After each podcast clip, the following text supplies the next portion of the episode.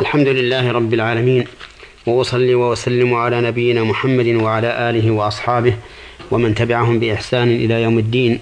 أما بعد أيها الإخوة المستمعون فهذه الحلقة الثانية والتسعون من برنامج من أحكام القرآن العظيم.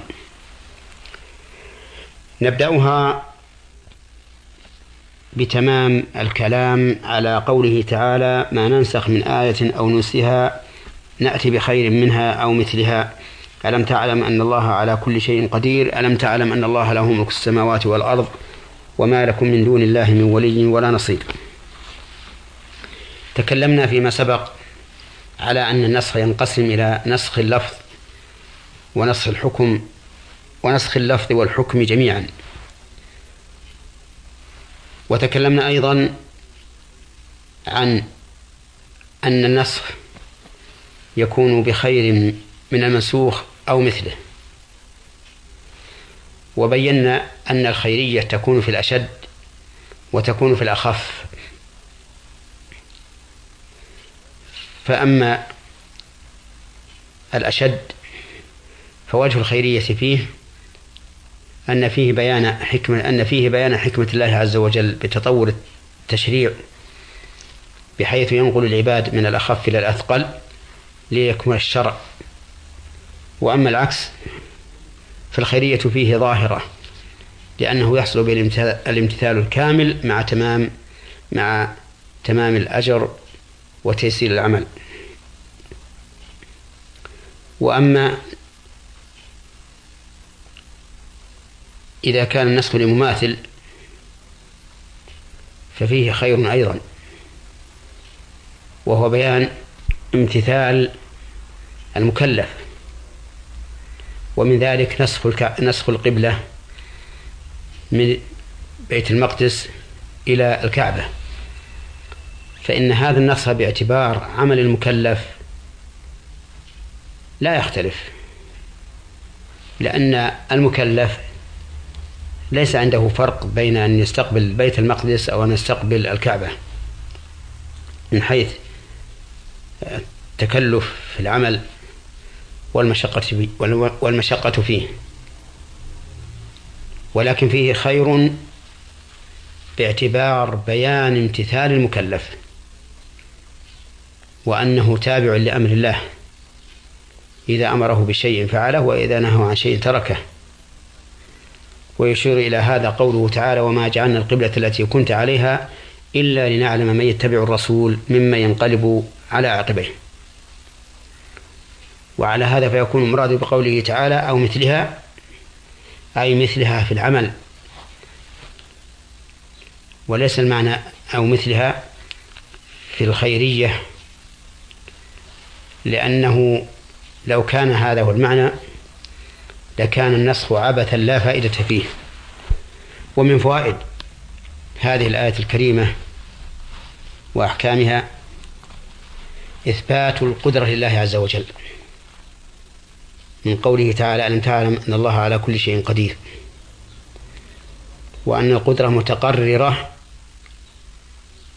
عند عند الإنسان بفطرته. ومن فوائد الآية عموم قدرة الله في كل شيء. لقوله ألم تعلم أن الله على كل شيء قدير؟ فهو قادر عز وجل على الموجود أن يعدمه وعلى المعدوم أن يوجده. ومن فوائد الآية الثانية تقرير ملك الله عز وجل للسماوات والأرض لقوله ألم تعلم أن الله له ملك السماوات والأرض. ومن فوائدها اختصاص ملك الله. بل ومن فوائدها اختصاص ملك السماوات والأرض بالله عز وجل. لا يملكهما أحد سواه. قال الله تعالى والذين تدعون من دونه ما يملكون من قطمير. إن تدعوهم لا يسمعوا دعاءكم ولو سمعوا ما استجابوا لكم. ويوم القيامة يكفرون بشرككم ولا ينبئك مثل خبير.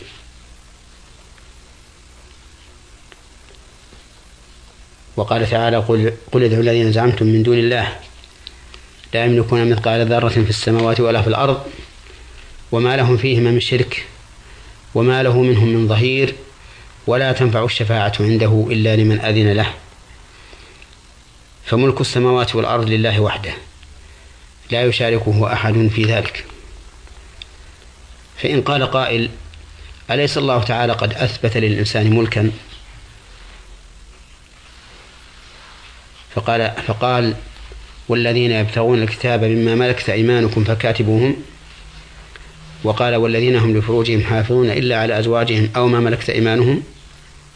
فالجواب بلى أثبت الله للإنسان ملكا. ولكن ملك الإنسان لما يملكه ملك مقيد.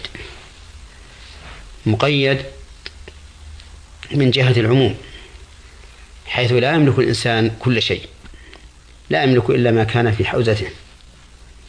مقيد من حيث التصرف والتدبير. فالإنسان لا يملك أن يفعل في ملكه ما شاء لأنه مقيد بالشرع.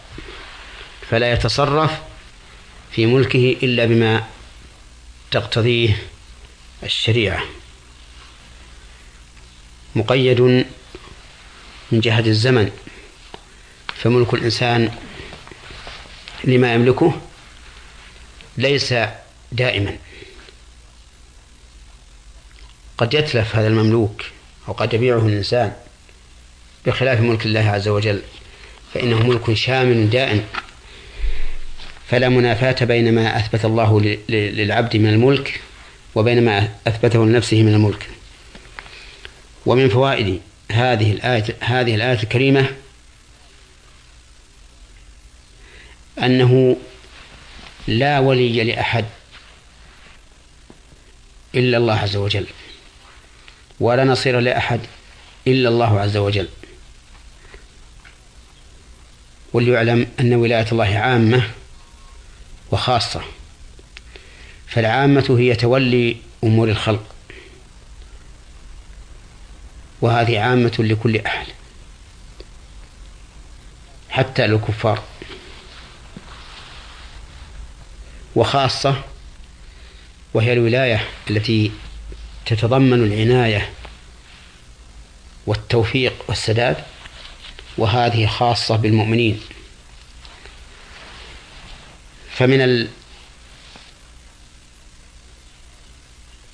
فمن المعنى الأول قوله تعالى حتى إذا جاء أحدكم الموت توفته رسلنا وهم لا يفرطون ثم ردوا إلى الله مولاهم الحق.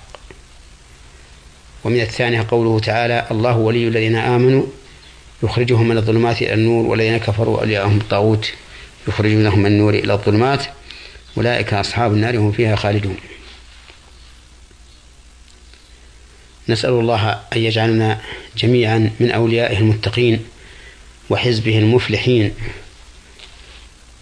وأن يهب لنا منه رحمة إنه هو الوهاب والحمد لله رب العالمين وصلى الله وسلم على نبينا محمد وعلى آله وأصحابه ومن تبعهم بإحسان إلى يوم الدين.